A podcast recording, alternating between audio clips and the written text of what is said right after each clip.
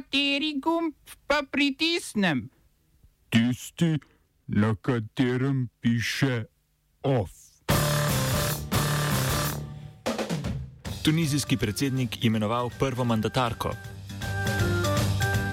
Justin Trudeau s kanadsko vlado neuspešen na zvezdnem sodišču. Nekdani francoski predsednik Nikola Sarkozy obsojen zaradi goljufije. Direktor STA Bojan Veselinovič odstopil z položaja.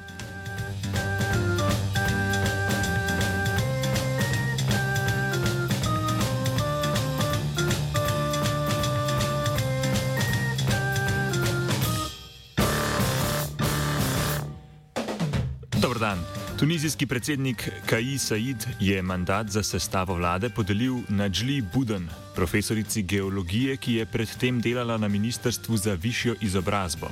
Said je pred dobrima dvema mesecema odstavil vlado in prekinil delovanje parlamenta. Poslanci tunizijskega parlamenta pozivajo predsednika države in predsednika parlamenta naj ponovno vzpostavita delovanje skupščine. Najmanj 73 poslancev od 217 je podpisalo izjavo, v kateri zavračajo Saidovo odločitev, da bo vladal z odloki brez parlamenta. Prejšnji teden je poleg tega naznanil razveljavitev večjega dela ustave, kar njegovi nasprotniki označujejo za državni udar. Said svoje poteze upravičuje kot nujne za odstranitev korupcije in nepopularne politične elite, ki je državo pripeljala v finančno krizo.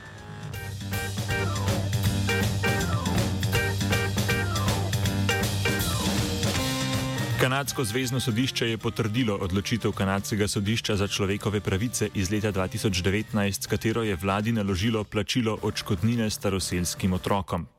V razsodbi je sodišče za človekove pravice ugotovilo, da je država namerno in nepremišljeno diskriminirala staroselske otroke, ki so živeli v rezervatih, s tem, ko ni zadostno financirala institucij socialne pomoči za otroke in družine.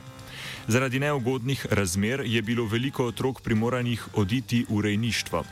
Kanadska vlada s premijejem Justinom Trudojem na čelu se je leta 2019 pritožila zoper sodbo, ki je določala plačilo odškodnine vsakemu prizadetemu otroku, v nekaterih primerjih tudi drugim družinskim članom, v višini približno 20 tisoč evrov. Zvezdno sodišče je pritožbo torej zavrnilo, čež da zahteva ni nerazumna in pozvalo k pogajanjem in dokončni spravi zunaj sodišča. Trudo se lahko sicer zoper odločitev Zvezdnega sodišča, ki je bila objavljena na večer prvega praznovanja državnega dneva resnice in sprave, ponovno pritoži in tako zavlačuje s plačilom odškodnine.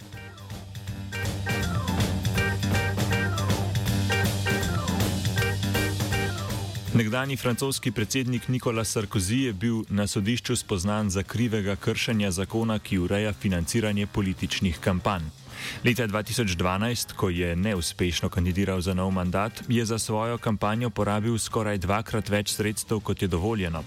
Sodišče je ugotovilo, da je Sarkozy vedel za zakonsko mejo in je zavestno ni upošteval. Tožilec je za bivšega predsednika predlagal eno leto zapora, od tega šest mesecev pogojno.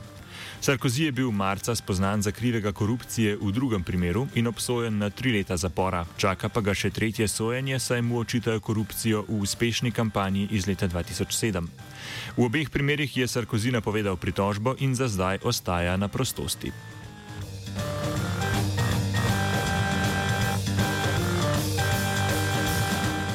YouTube bo od zdaj naprej blokiral in odstranil objave, ki širijo napačne informacije o vseh odobrenih cepivih, ne samo o cepivih proti COVID-19.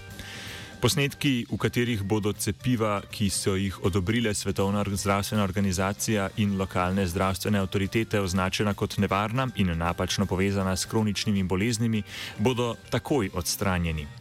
Nove omejitve zadevajo cepiva proti boleznim, kot so hepatitis B, ošpice in gripa. Oba, če, če bom odgovoril na angliški. Uh, uh, Slovenija will try to help. Uh, we can. Slovenija will. Uh, and we will. Do our utmost. To say that the situation is. Our problem ourselves. And uh, we will. Uh, make further steps as soon as the conditions are. Bomo vlado Marjana Cererja, Marjana Cererja Šarca podprli.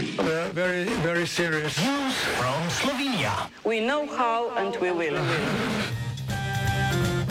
Direktor slovenske tiskovne agencije Bojan Veselinovič je odstopil z funkcije direktorja zaradi nedoseženega dogovora z direktorjem UKOM-a Urošem Urbanijo o državnem financiranju STA, ki se ureja v pogodbi o javni službi v letu 2021. Ustavno sodišče je sicer celo ugotovilo, da je država zakonsko dolžna mesečno plačevati javno službo STA tudi brez pogodbe. Po besedah zaposlenih ni bil sklenjen dogovor, ki bi zagotovil zakonom določeno institucionalno avtonomijo in uredniško neodvisnost STA. Nadaljuje Alenka Potočnik, zaposlena na STA in predsednica sindikata novinarjev Slovenije. Za zaposlene je tole zagotovo šok. Odstop direktorja je še dodatna negotovost, ker na vladni strani kakšnega uh, premika v smeri, da bi vendarle začela spoštovati zakon o STA in sedmi protikoronski zakon, ki jasno določata, da se javna služba financira na podlagi uh, poslovnega načrta, ki je bil decembra lani sprejet na nadzornem svetu, pač ne zgodi.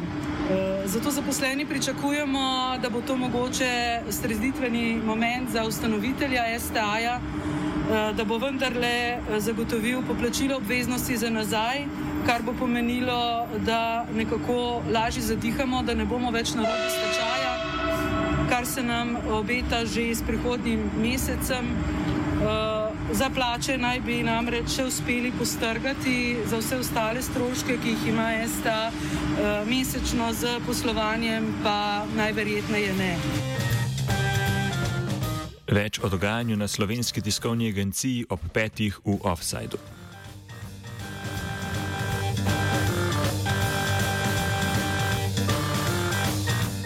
Poslanci.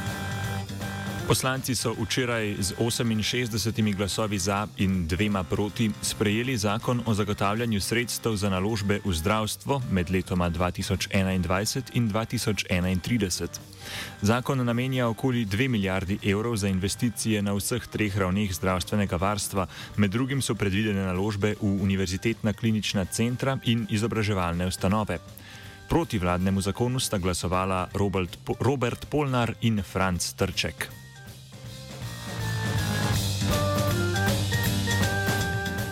Marjan Pintar, direktor Združenja zdravstvenih zavodov Slovenije, sprejeti zakon označi za nujen in neobhoden, saj se je slovenski zdravstveni sistem, ki je podfinanciran, med epidemijo izkazal za izjemno ranljivega. Pri tem opozori na nujnost vzpostavitve sistema financiranja, ki bi omogočil tekoče pokrivanje potreb na mesto kampanskega. Ta zakon govori o investicijah in je fokusiran na področje zdravstva. Zagotovo je uh, tukaj toliko težav, da jih s tem zakonom ni mogoče pokriti. Torej, zagotoviti je potrebno takšno financiranje zdravstvene dejavnosti, da bomo lahko tekoče pokrivali vse to, kar trenutno kampanjsko pač počne ta zakon. Torej, Skrajni čas je, da ga imamo, nujno, je, nujno so pa potrebne takšne spremembe sistema financiranja, da bomo lahko iz eh, prihodkov zdravstvenih zavodov krili tudi razvoj in obnavljanje eh, tega opreme in sredstev, ki, s katerimi delamo. Združenje zdravstvenih zavodov je pri pripravi zakona opozarjajo na potrebno povečanje sredstev za primarno raven zdravstvenega varstva, ki obsega osnovno zdravstveno in lekarniško dejavnost. Pojasni Pinter. Glede investicij na primarni zdravstveni ravni smo v združenju opozarjali, da je potrebno povečati predviden obseg sredstev in je zakonodajalec tudi sledil, bom rekel, tem predlogom, saj je zdaj zagotovljenih 200 milijonov za ta namen. Uh, Tukaj so tudi eh, potrebe izpostavljene predvsem zato, ker občine marsikje ne uspevajo pokrivati obveznosti, ustanoviteljskih obveznosti in zagotavljati nujno potrebnih sredstev za investicije na primarni zdravstveni ravni. In eh, zagotovo pač na teh področjih, na področju uh, družinske medicine, na področju pediatrije, na področju ginekologije na primarni ravni, je nujno potrebno zagotoviti normalne pogoje za delo uh, zdravstvenih delavcev uh, in uh, brez investicij seveda bojo ljudje, bojo ljudje, ki tukaj delajo, odhajali nezadovoljni in zapuščali te kraje. Vlada se je odločila nekoliko omiliti pravila, ki zapovedujejo nošenje mask v zaprtih prostorih. Nošenje maske ni več potrebno v zaprtih javnih prostorih, v katerih se strežeta hrana in pijača, ampak le v izpolnjevanju pogoja PCT. Nova ureditev pomeni, da maske denimo niso potrebne v kinematografih, v katerih prodajajo hrano. Prav tako si maske ni več treba nadeti ob odhodu na stranišče v gostinskih obratih. Off je spisala Aida.